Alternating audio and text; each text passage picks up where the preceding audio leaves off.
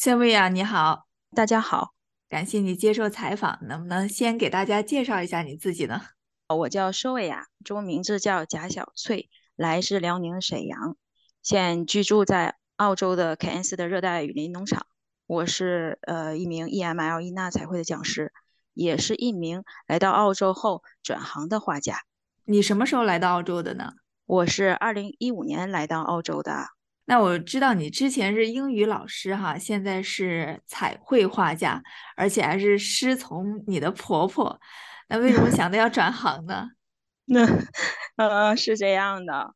我之前在国内从事的是那个少儿英语的呃培训呃教学工作，然后来到澳洲以后呢，就是一直就是在做这个我婆婆伊娜核心格的这个绘画的助理。嗯，婆婆她是就是曾经在世界上的十四国家都有这个教学，然后出版过呃各种的彩绘书籍和呃录影带。然后我这个呃主要是负责她在中国方面的呃这个呃书籍的出版啊，联系这个出版社和组织去这个国内的呃各种大学去做讲座。我从小啊就是特别喜欢这个绘画。嗯，然后接触到我婆婆以后呢，呃，我就就激发了我对这个艺术梦想的那个追求和那个热忱，所以我在一边给她做翻译工作，呃的同时呢，我一边和她这个学习这个彩绘。二零一八年的时候呢，我婆婆就是正式退休了，接着继承婆婆。哎，对，呃，我就是。那你第一次跟你婆婆是在什么样的缘分之下认识的呢？因为我知道你是跟嗯你认识了婆婆，然后才认识你老公的。呃，因为我之前不是从事那个英语培训嘛，然后从大学毕业以后，二十二岁到二十八岁这段时间，虽然收入还可以，不过是就是培训是非常辛苦的一个行业。然后我一直在寻求这个改变的一个机会。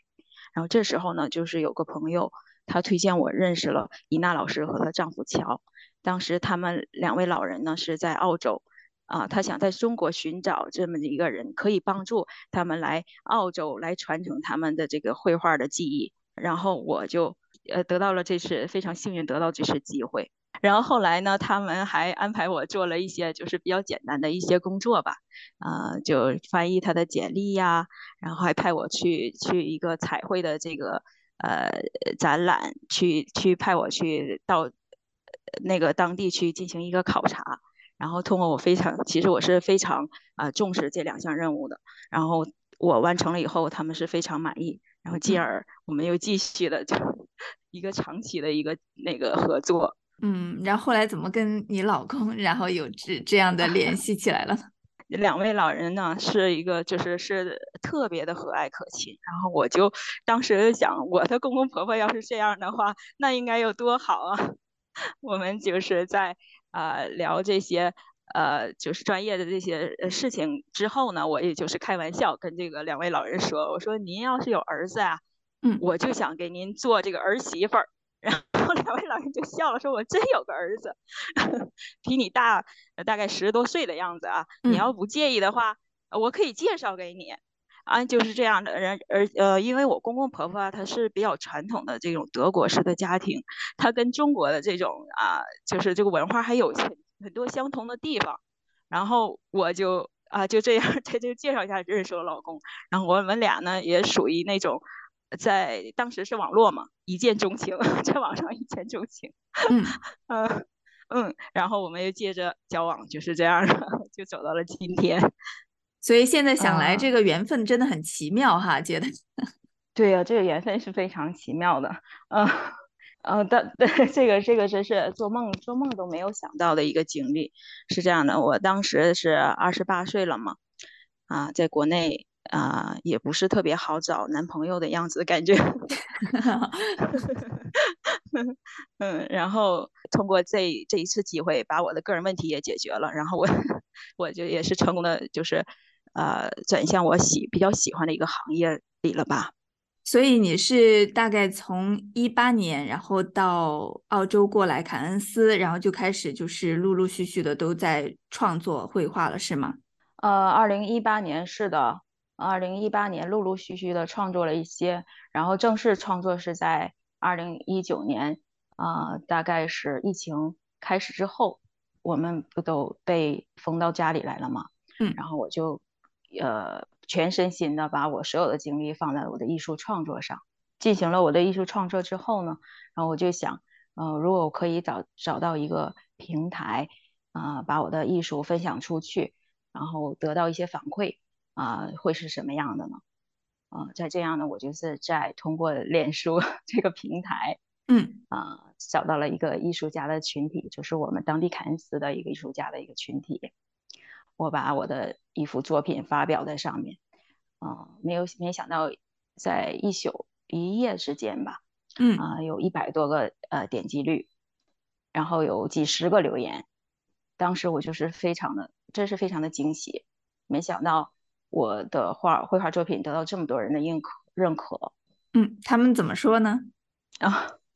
有很多很多人问我，这是这是你你绘画的是什么什么样的艺术？然后他还他们问我是用画在什么上面去的？有的就说啊，给我很大的鼓励吧，就建议我要把我的绘画作品啊送到画廊啊啊，或者是让更多人能看到。然后我在这个群体里呢，遇到遇到一位老先生，他现在可能已经到到热带雨林里去冒穿那个探险去了。嗯，他就告诉我，你你一定要把你的作品送到画廊，然后找到更大的舞台。你的作品，嗯，会给带到，就是说给大家带到很多的这种力量和鼓励。然后你再把它写成故事分享出来。嗯，特别是在疫情的时候哈，刚刚你提到在疫情的时候集中创作。对，也有的就是我的这个粉丝啊留言就说你的作品就像一束光似的，在这个黑灰暗的时刻给我们带来光明。然后我就是听到这种话，我就特别振奋，当时特别振奋。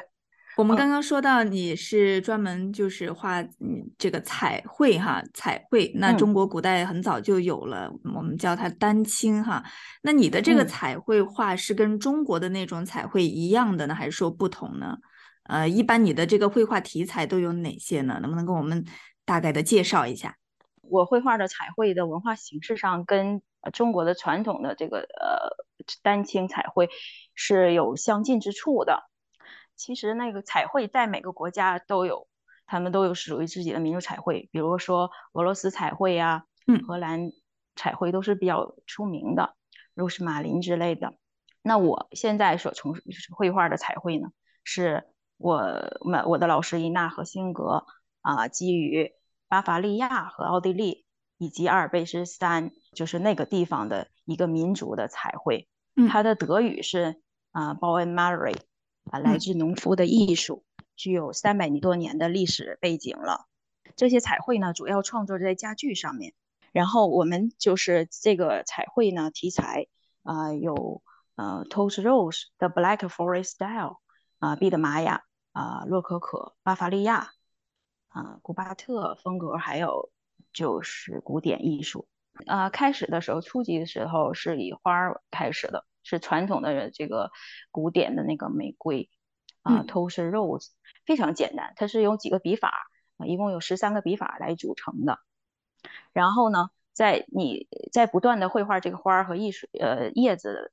的不断的这个提升的过程中，那你的绘画技巧也得到了提升。所以说，我们的主题呢，由花儿就变成了人物。啊，一些就是呃，像彼得玛雅上面的，就是我们要绘画这个人物啊，嗯，还有一些小动物啊，啊，讲述的一些故事，一些历史性的故事，然后还有这个古典花卉呀，嗯，古典花卉之类的这些，然后就慢慢的就是根据你自己啊自己的这个想法，可以，因为你已经掌握到技巧了嘛，通过这一系列的主题，这个绘画，你已经掌握到绘画的技巧。嗯 嗯，是这种，嗯嗯，刚刚你也提到说，呃，有那个 Facebook 上面的，呃，这个粉丝吧，说建议你要把你的这个画拿到更大的平台去，然后甚至是一些画展上。那你是不是也已经有举办过画展了呢？能不能跟我们分享一下？我举办过了好多画展了，现在目前，嗯，然后我的画呢，也是在我们当地的这个邮局。啊，开始就是寄卖这种，啊，呃，就是开始的时候呢，嗯，我在这个艺术家这个群体当中嘛，收到了一封信，啊，是 Mochin 啊，Mochin b i s Community Hall 的一位啊组织者，他举行了一场呃，就是属于募捐式的这个画展，啊，当时我就去参加了，有我拿了有五幅的作品吧，然后其中的我的一幅作品呢，就是以。当啊，当天就是在采访的时候就已经上了电视这种，然后我就是心情是非常的激动激动啊，愉快呀，想啊，因为当呃在参加的可能有一百多个画家这种，哦，那还是不少哈。哦，对对对对对对，然后我也就是呃成功的出售了几幅作品，是这样的，当时，嗯，然后我想啊，我的这个绘画是有市场的。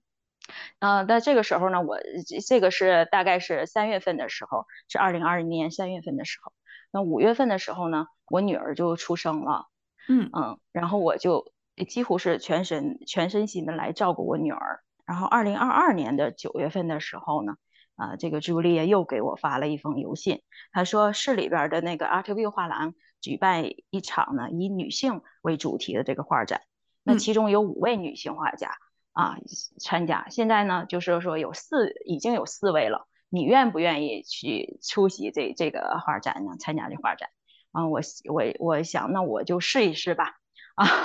嗯，然后我就呃把通过这个 email 的形式把我的作品发到了这个 Art Will 啊，让他们来看一看，看我有没有资格来参加。啊，然后然后就是他们就看了我作品，立就立即就给我回复说你可以啊，你可以来参加。你是不是也是很高兴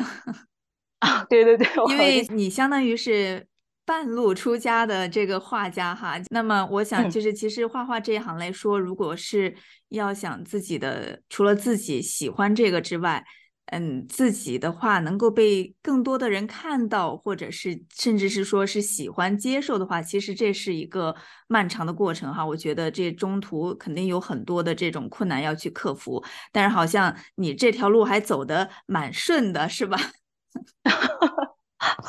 嗯嗯嗯，是是是这样的，确实非常顺利。嗯呃，我这一半的时间是一多半的时间在照顾家庭女我的女儿。然后把我的这部分精力投入了就我的艺术创作，还有举办画展上。然后每一次的机会，我都是对我一个就是阶段性就一个提升。然后我觉得是非常，真是非常顺利。当时的四位四位画女画家呢，都是专业出身，然后呃有非常这个啊好的这个呃不论是这个知理论知识啊，还有他的实践知识，还有参加展览的各种。这个阅历啊都是非常丰富的，所以我能跟他们一起办展，我学习了很多。嗯，在呃办展之前，有没有曾经说对自己的这个职业未来有忧虑过呢？会不会觉得，哎，我转行做这个能不能做得好，或者是未来是什么样子，自己也不知道，有没有这样的一种迷茫过？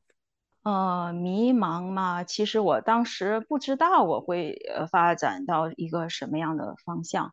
啊，发展到哪哪个阶段？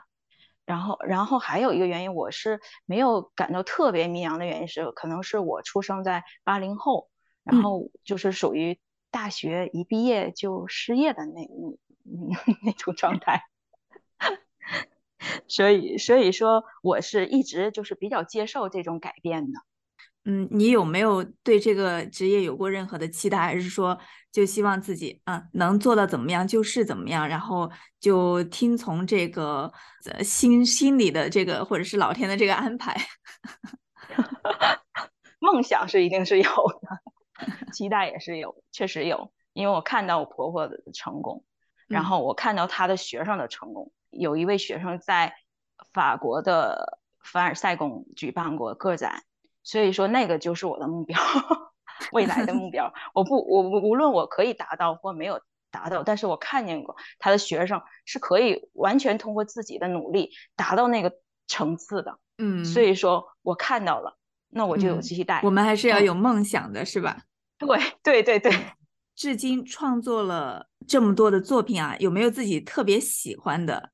我特别喜欢的是一幅在我目前在格兰格格兰 store art museum and gallery 展出的一幅作品。那这幅作品呢，就是 the Wash of the flower range，以花呃为题材的这幅作品倾注了我八年所有所学的所有的技巧在里面。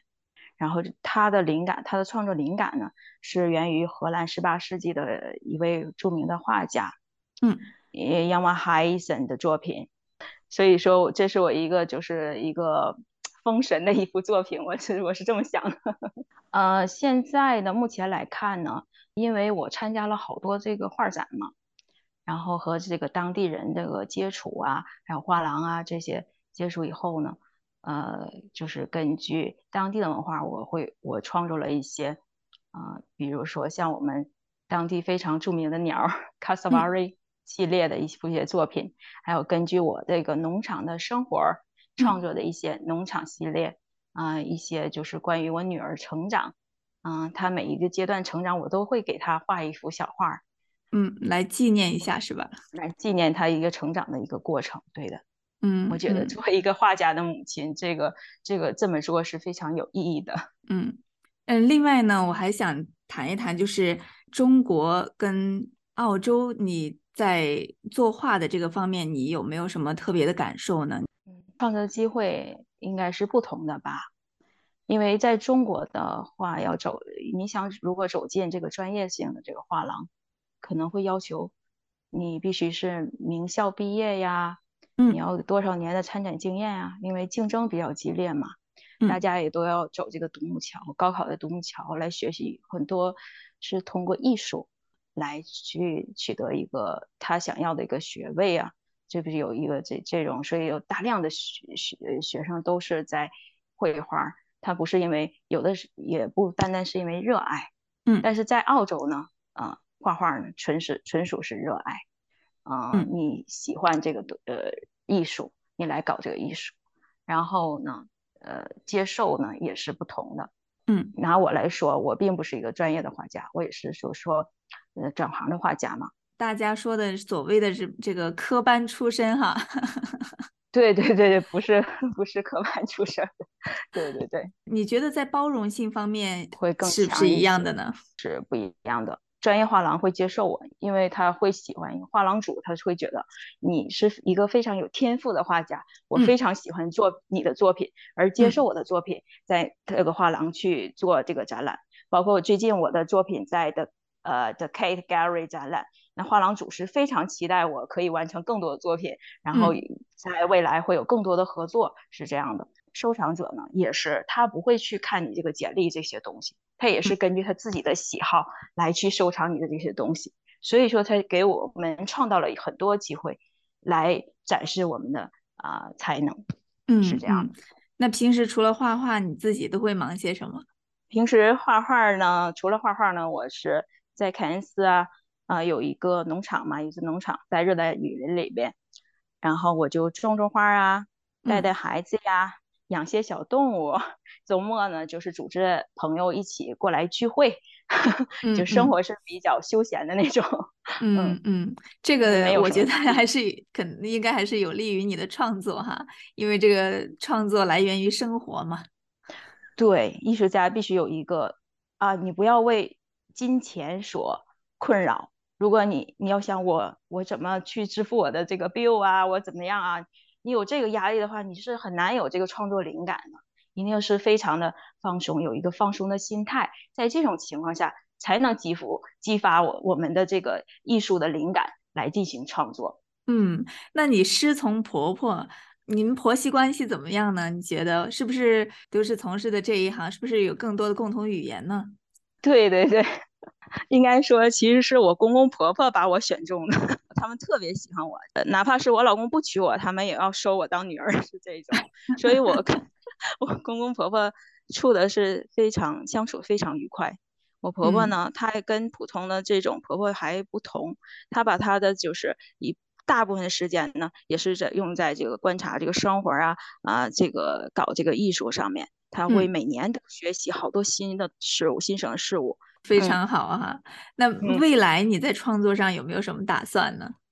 呃，未来的话，经过这几年参加这个画展啊，我与这个画廊啊、收藏家打交道，然后呃，我对这个艺术当地的艺术文化，呃，有更深的这个认知。这个澳洲的这个艺术市场是非常有非常大的空间，嗯，就是比打个比方，普通老百姓也会走进画廊，与这个艺术家和画家进行近距离的接触，去啊去聊这个艺术，然后呢去欣赏这个艺术。所以说呢，我就是特别期待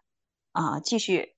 来这个搞这个绘画创作，然后想搞搞几场个人的画展。但是个人画展，我已经问呃画廊组说我要展六十幅作品，嗯，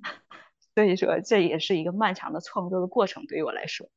而且我我目前也是在国内的一些网络平台也有分享我这个呃在澳洲如何呃转行做画家的一些经验，我就是选只打算告诉呃呃可以就是分享来一一个人的生活方式不仅仅有一种。你有很多种 选择，只要你有梦想，你要敢追求，走出来，一定会成功的。嗯，好的，谢谢，谢谢来自凯恩斯的彩绘画家 Sylvia 跟我们分享你的故事。那也期待你的个人画展早日的举办。谢谢，谢谢您，谢谢。